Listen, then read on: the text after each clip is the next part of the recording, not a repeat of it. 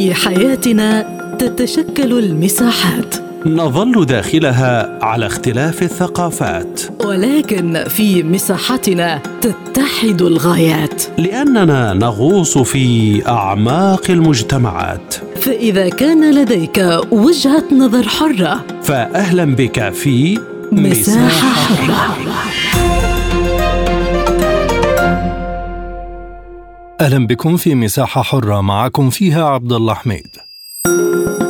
قالت صحيفة أرتس العبرية إن سلطنة عمان قررت عدم السماح للطائرات الإسرائيلية بالسفر في أجوائها مما يؤثر على أسعار تذاكر الطيران في إسرائيل لأنه سيزيد عدد ساعات الرحلات المتوجهة إلى الشرق الأقصى نتيجة اختيار طرق أبعد بكثير. كما أعلنت هيئة البث الإسرائيلية أن شركة الطيران الإسرائيلية العال توقفت عن السفر في أجواء الخليج العربي بعد إنذارات أمنية. المتحدثة باسم شركة العال أوضحت أنه لا يوجد تهديد محدد للطائرات لكن الشركة فضلت العودة إلى مسار فوق السعودية ولكن ليس عمان مما يؤدي إلى إطالة زمن الرحلة بين تل أبيب وبانكوك مثلا إلى 11 ساعة بدلا من ثمان ساعات. فهل تغيرت المواقف المواقف العربية من إسرائيل نتيجة ما يجري في قطاع غزة من قصف للمدنيين وهل تعتبر الخطوة ضمن سياسة عربية لكبح جماح إسرائيل والضغط عليها لوقف الحرب على غزة؟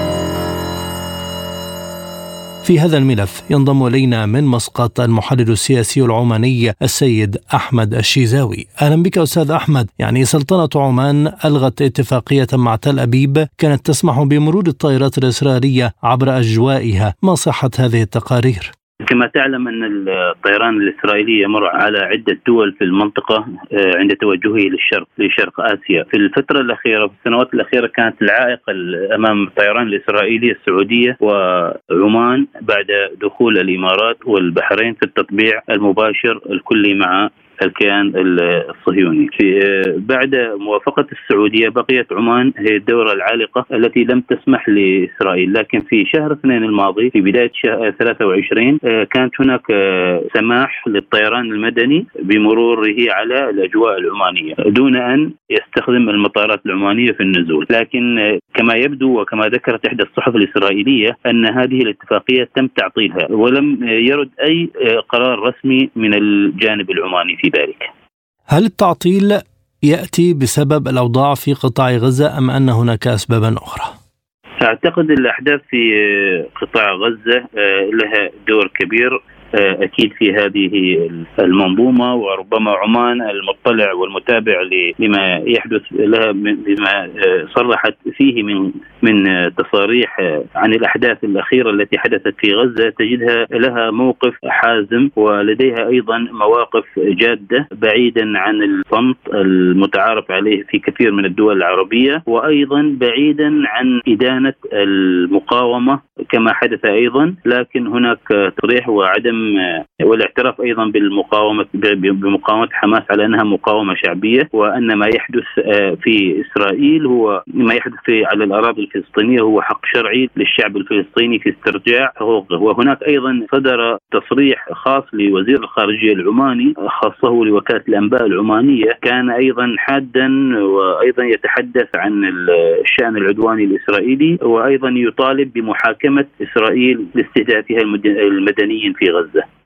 ما تعليقكم إذا على تقرير صحيفة آرتس التي أعلنت إلغاء سلطنة عمان اتفاقية مع تل أبيب تمنع مرور طائراتها عبر الأجواء العمانية؟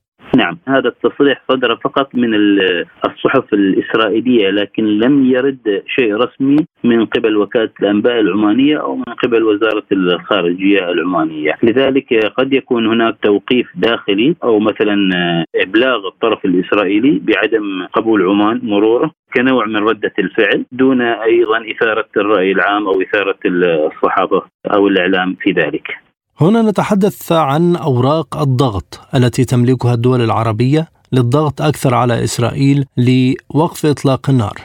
أعتقد الدول العربية لديها مقومات كثيرة آه، إذا ما تم استثمارها للضغط على إسرائيل وعلى أيضا دول الغرب في ذلك. وهناك وعلى رأسها طبعا الطاقة، الطاقة اليوم هي السلاح الأقوى في الدول الخليج بالضبط وكثير من الدول العربية. أيضا آه، التعامل آه، التبادل الامني الاستراتيجي بين كثير من دول المنطقة مع إسرائيل. آه، أعتقد حان الأوان لإيقاف أو تعطيل كثير من هذه المشاريع. حتى الدول التي طبعت يجب أن تعيد حساباتها من جديد في هذا التطبيع. ما الذي كسبته وما الذي يعني أضاف لها هذا التطبيع؟ أيضا كثير من الدول من كانت تؤمن باتفاقية أوسلو والذي تعتبره هو الرمق والحلم الذي لم يتحقق تحقق والذي أدى إلى انفجار الأوضاع في غزة. ربما تكون الأحداث في غزة هي أكبر رسالة تفيد بأن اتفاقية أوسلو لم تكن مشروع جاد قائم على حل دولتين متساويتين في الحقوق لكن كانت هي عبارة عن خدعة أدت إلى تعزيز مكانة إسرائيل في المنطقة كدولة وأيضا تهميش الجانب الإسرائيلي ووهم عفوا الفلسطيني من خلال تفتيت حركة فتح وتحويلها إلى سلطة تنفيذية أو سلطة فلسطينية انشغلت بما يسمى يعني بحكم آه، أنها تحكم ما لا تملك.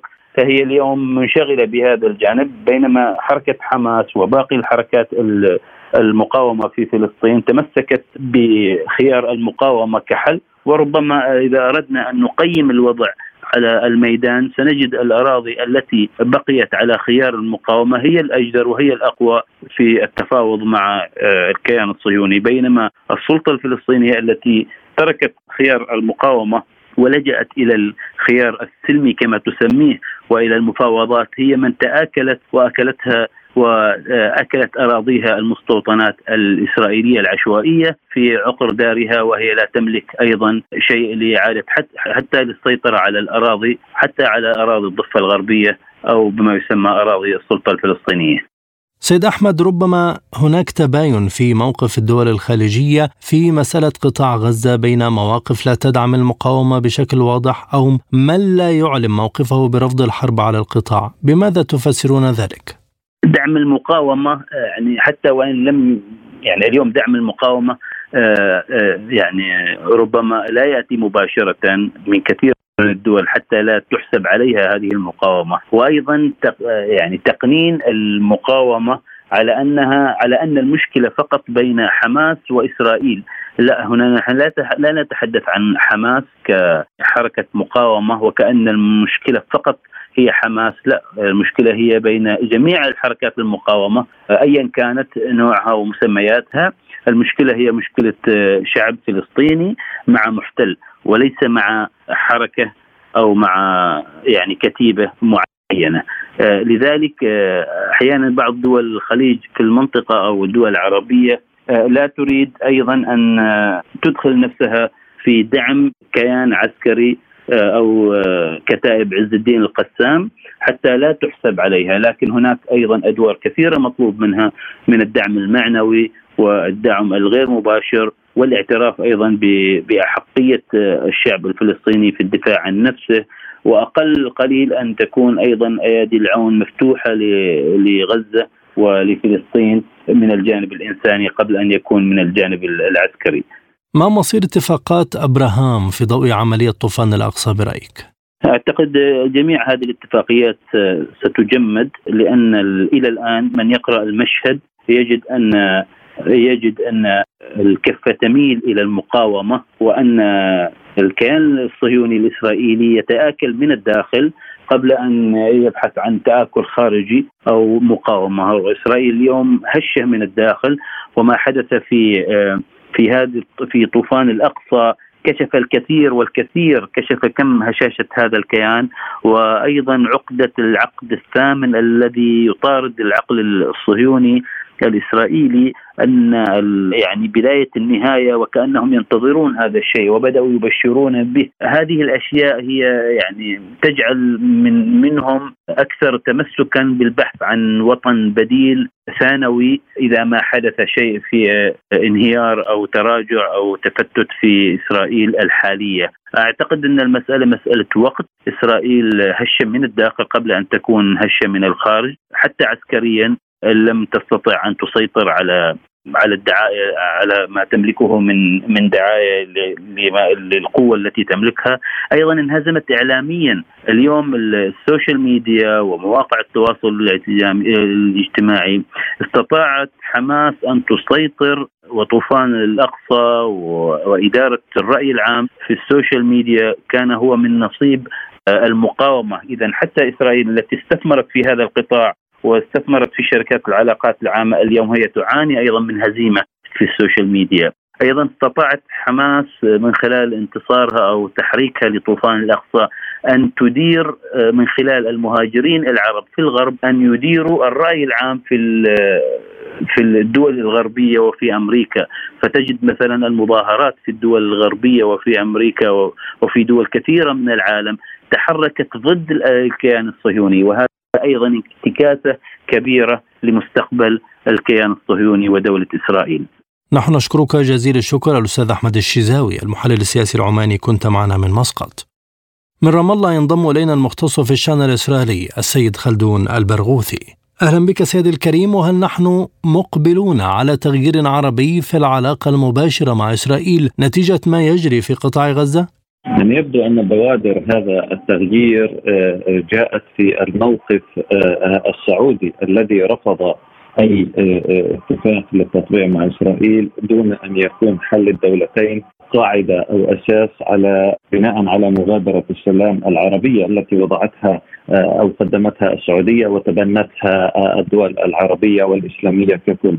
فالموقف السعودي يعتبر محوري في هذا الجانب وما يحدث الآن من تراجع عن إمكانية التقدم في أي ملف مفاوضات أو اتفاق له أهمية في موقف من إسرائيل حتى خطاب الرئيس المصري المتعلق برفض التهجير لما له من آثار سلبية على القضية الفلسطينية اولا بمعنى أن تهجير الفلسطينيين من قطاع غزة قد يعني بداية تصفية القضية الفلسطينية بشكل تام. وهذا الأمر مرفوض ولن يسمح به هذا الأمر قد يكون له تبعات إذا استمرت إسرائيل في ما تقوم به من جرائم قد ينعكس أيضا على العلاقات القائمة بين بينها وبين دول عربية أخرى من التي وقعت اتفاقيات سلام معها.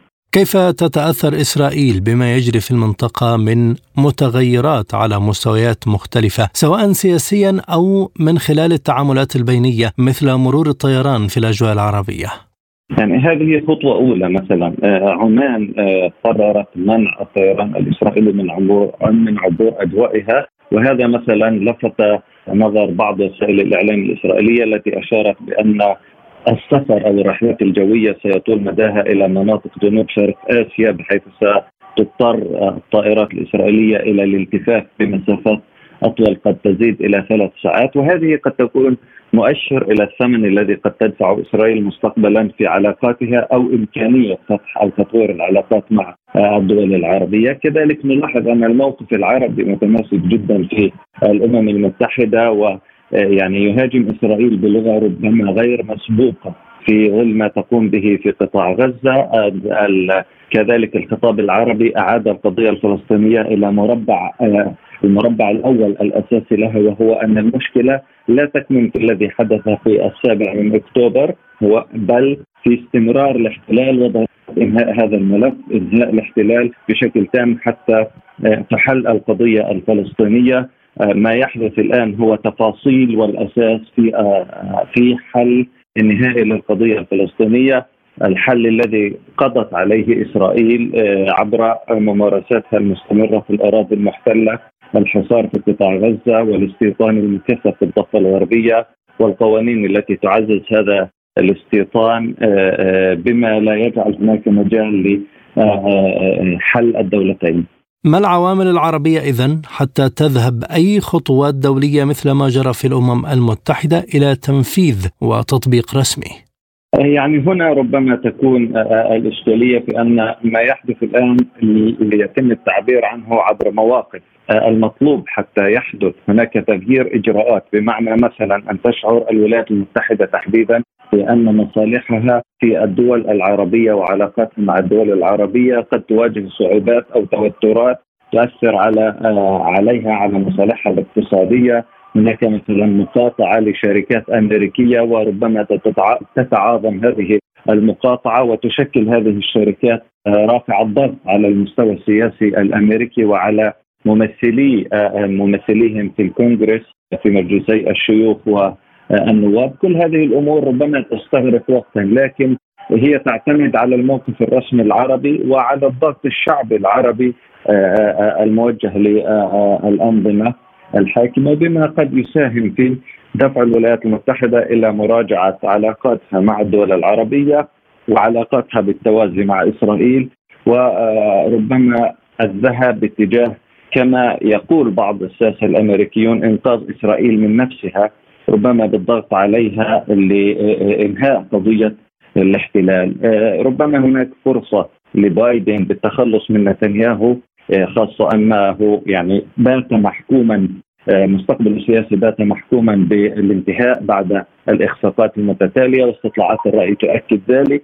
وفرص جانتس بأن يتولى رئاسة الحكومة في إسرائيل هي فرصة ذهبية لبايدن انتخابية بالنسبة له لأنه خدم إسرائيل ووقف معها وقد يكون أنقذ إسرائيل مستقبلا بالطبع من الأخطاء التي ارتكبها نتنياهو فيما يتعلق بما تسمى الإصلاحات القضائية وتوريط إسرائيل في مشاكل تتعلق بإجراءاته في الضفة وشراكته مع الصهيونية الدينية وكل ذلك. أي شكل من التهديد تحمله قرارات منع الطائرات الإسرائيلية من المرور فوق الدول العربية؟ يعني هذه مقدمة للفعل المطلوب وليس فقط الاكتفاء بالمواقف. آه هذه مقدمة قد تكون رسالة. هناك ثروات عربية يمكن الاستفادة منها. ربما التهديد فقط أو التلويح بالتهديد بقطع النفط قد يكون مهما وكانت هناك سابقة في حرب عام 73 المقاطعة العربية التي كانت قبل مؤتمر مدريد عام 91 للكثير من الشركات التي كانت تستثمر في إسرائيل، أي شركة تستثمر في إسرائيل تمنع من الاستثمار في الدول العربية، هذا أيضا يشكل رافع ضغط كبيرة على آه، آه، آه، الاقتصاد الدولي بشكل عام وعلى هذه الشركات التي لها وزنها ولها اللوبيات التي تضغط في الكونغرس وفي باقي الدول التي لها استثمارات. هذه قد تكون بدايات مهمة لتبدأ بالتأثير الفعلي هو الذي يغير سياسات الدول. أستاذ خلدون هل تتذمر إسرائيل من مثل هذه المواقف مما يؤثر سلبا على حركتها في قطاع غزة أم سيكون مساعدا في وقف هجماتها؟ حتى الآن أي انتقاد لإسرائيل يثير ظنونها ولاحظنا رد فعل آه، وزير الخارجية الإسرائيلي ومندوب إسرائيل في الأمم المتحدة كيف هاجموا الأمين العام للأمم المتحدة أنطونيو غوتيريش عندما أرجع القضية الفلسطينية إلى المربع الأول وهو مربع الاحتلال عندما قال بأن ما حدث في السابع من أكتوبر لم يأتي من فراغ بل هو نتيجة ل 56 عام من الاحتلال والتنكيل وكل ما تقوم به إسرائيل ضد الفلسطينيين، إسرائيل لا تريد إعادة الملف الفلسطيني أو الصراع الفلسطيني الإسرائيلي إلى مربع الاحتلال لأن ذلك يدينها آه، فكل ما يحدث يجابه بهجوم إسرائيلي، فلنتخيل الآن إذا بدأت تتحول المواقف إلى أفعال، إسرائيل ستضطر حينها إلى مراجعة نفسها لأنها لا تستجيب إلا إذا تعرضت للضغط أو للقوة ليس للمواقف فقط. الآن إسرائيل لا تزال في خضم الصدمة مما حدث. حتى أن بعض المحللين الإسرائيليين يرون بأن رد الفعل الإسرائيلي حاليا هو خاضع لرد فعل صدمة وليس رد فعل منطقي ولا على أساس عسكري أو سياسي بل ناتج عن الصدمة التي تعرضوا لها وهذا يعني ربما تهور إسرائيلي غير محسوب. حذر منه بايدن بنفسه عندما قال لهم غضبنا بعد الحادي عشر من أكتوبر فارتكبنا أخطاء و يعني كأنه يقول غصنا في آه، آه، الطين في أفغانستان والعراق. ودفعنا لذلك الثمن وعلى إسرائيل أن لا ترتكب نفس الخطأ. الآن هم يبدو أنهم باتجاه ارتكاب هذا الخطأ. لذلك نعم عندما ربما يصحون من الصدمة يبدون يبدأون يدركون تدمير صورة إسرائيل عالميا. هذه الخسارة ليست بسيطة ومئات الآلاف الذين يتظاهرون في العواصم والمدن العالمية ضد إسرائيل يشكلون أيضا وسيلة ضغط على حكوماتهم هل أنهت برأيك عملية طوفان الأقصى التطلعات الإسرائيلية للمزيد من التطبيع مع الجانب العربي؟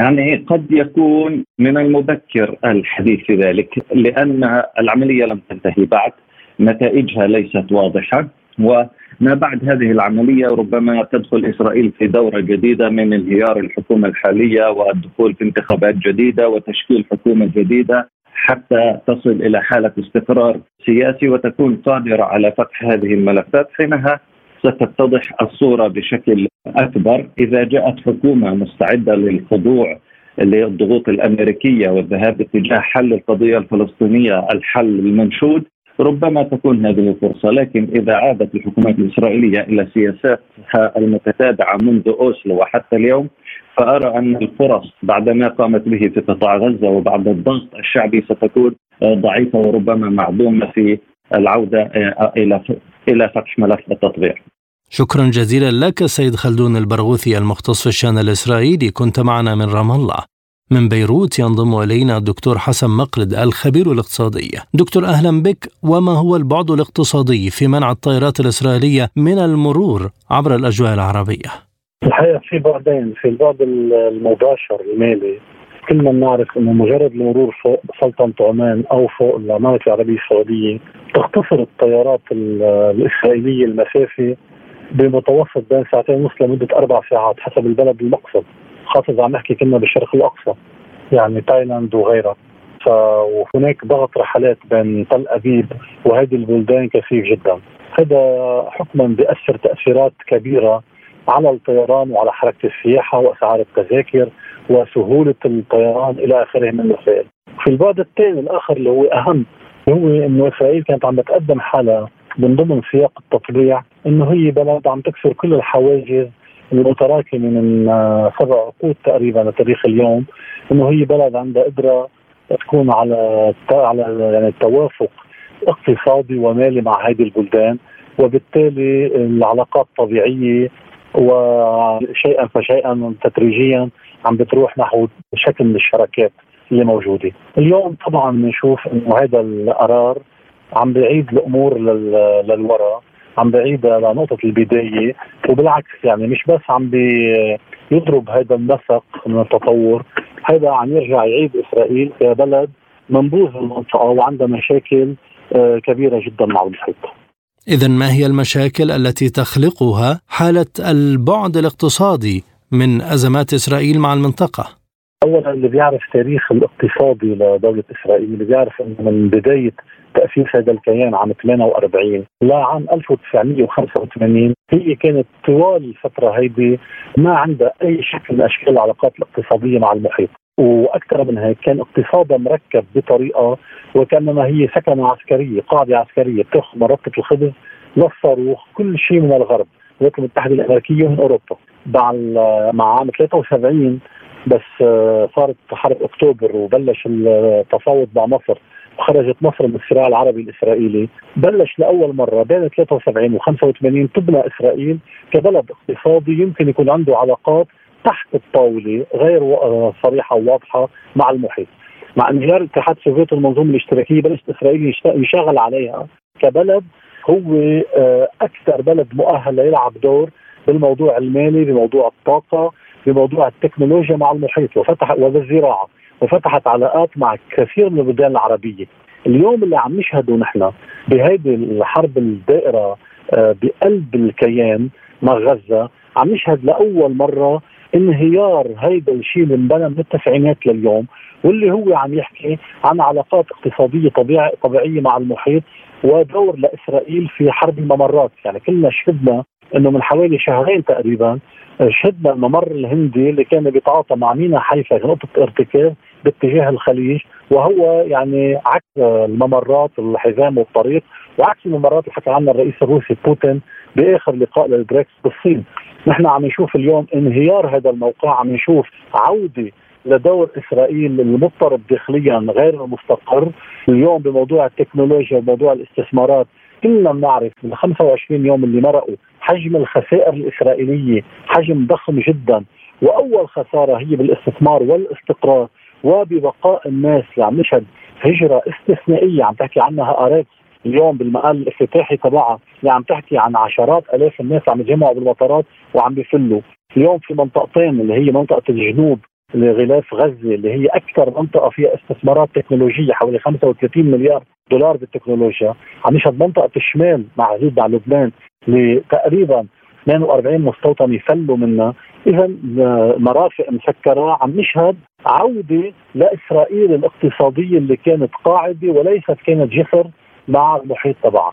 كل هيدا لحد اليوم بالنتائج الأولية تبعت الحرب عم يرجع يرجع هيدي الصورة اللي كانت بين 48 و 85 فالتاثيرات أكبر بكثير ما عم نحكي. واليوم اللي بيطلع بالتقارير الاقتصادية الإسرائيلية الداخلية أو بيطلع بحديث صندوق النقد الدولي والبنك الدولي بيعرف تماما عن شو عم نحكي. هل توجد نسب معينة تخسرها إسرائيل من تغيير مسار طائراتها؟ في موضوع الطائرات بكير على النسب. بس عم نحكي عن زيادة الرحلة بين ساعتين ونص لأربع ساعات. تخيل كأنه رحلة طيران عم تخلق من جديد بهيدي النسب. تخيل انعكاسها أسعار تذاكر الطيران على شحن البضائع الجوية يعني على السياحة على كل شيء. ولكن النسب الاكيده اليوم إنه من اليوم الأول للحرب إسرائيل خسرت أول يوم 20 مليار دولار بالبورصة. إسرائيل اليوم خسائرها بحدود 17 مليار دولار بالقطاعات المختلفة كونه كل شيء مسكر. بعد بموضوع الطيران ما في احتساب دقيق ولكن الفكرة بس تخيل كأنك عم تخلق رحلة طيران اليوم عم بتزيد من ساعتين ونص لأربع ساعات.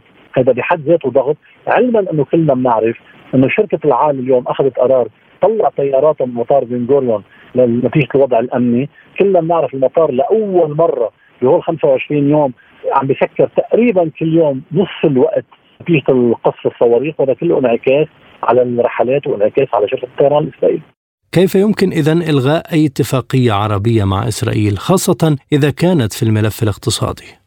يعني اليوم عرفنا أنه عمان أعلنت شبه بشكل شبه رسمي أنه وقفت اتفاقية تسهيل المرور علما انه عمان كدولة تاريخ اليوم ما اعترفت رسميا بدولة إسرائيل. اليوم السعودية وإن كانت لم تعلن ذلك أنه اعتراف بإسرائيل ولكن كان في مسرى معين من التطبيع أوقفت السعودية أيضا اتفاقية تسهيل المرور. اليوم بس بس دول عربية محرجة بعد 25 يوم من هذا الدم النازف من هذا المجازر هذه الاباده بغزة شيء طبيعي. أقل الإيمان انها تأخذ قرار توقف اتفاقات اقتصادية قائمة. كون هذه الاتفاقات جزء من العلاقات حسن النية بين الدول. فإذا كانت إسرائيل ما عم تحترم القانون الدولي وعم تعمل كل اللي عم ترتكبه بحق شعب عربي شيء طبيعي يعني البديهي إنه هذه الدول تلجأ لهذا الموضوع. هلأ بعدين شو الاعتبارات القانونية؟ بياخذوا تعويضات؟ شو اللي بيصير؟ بحث آخر هل الضغط الاقتصادي كفيل بأن تتغير مواقف إسرائيل في قطاع غزة؟ ما بعتقد لأنه المشكل بإسرائيل هو مشكل بنيوي مشكل وجودي مشكل له علاقة بشعب صار 75 سنة محتل أرضه. الأزمة أكثر من هيك. اليوم في 240 أسير موجودين بغزة. اليوم عقيد الجيش الإسرائيلي قتلهم وعدم يعني مبادلتهم فبستبعد كثير يكون الموضوع الاقتصادي هو العامل المحدد. بعتقد في عوامل ثانية وبعتقد اليوم إسرائيل بدت كدولة شرق أوسطية مثل مثل كل الدول الثانية اليوم إرادتها شبه مسلوبة بين هلالين اليوم عم بتقود المعركة مباشرة الولايات المتحده الامريكيه اليوم وزير الخارجية الأمريكي وزير الدفاع الأمريكي الرئيس الأمريكي زاروا إسرائيل ثلاث أيام ورا بعضهم بعد 7 أكتوبر. واليوم يبدو كل إيقاع إعطاء الإنترنت أو حجب الإنترنت عن غزة هو إيقاع أمريكي، ما بعتقد اليوم إسرائيل هي صاحبة القرار النهائي بهي القضايا، وما بعتقد الموضوع الاقتصادي هو العامل الحاسم والمحدد، أحد العوامل نعم وليس العامل المحدد الحاسم. شكرا جزيلا لك الدكتور حسن مقلد الخبير الاقتصادي. كنت معنا من بيروت. كما نشكركم مستمعينا الكرام على طيب المتابعة. إلى اللقاء.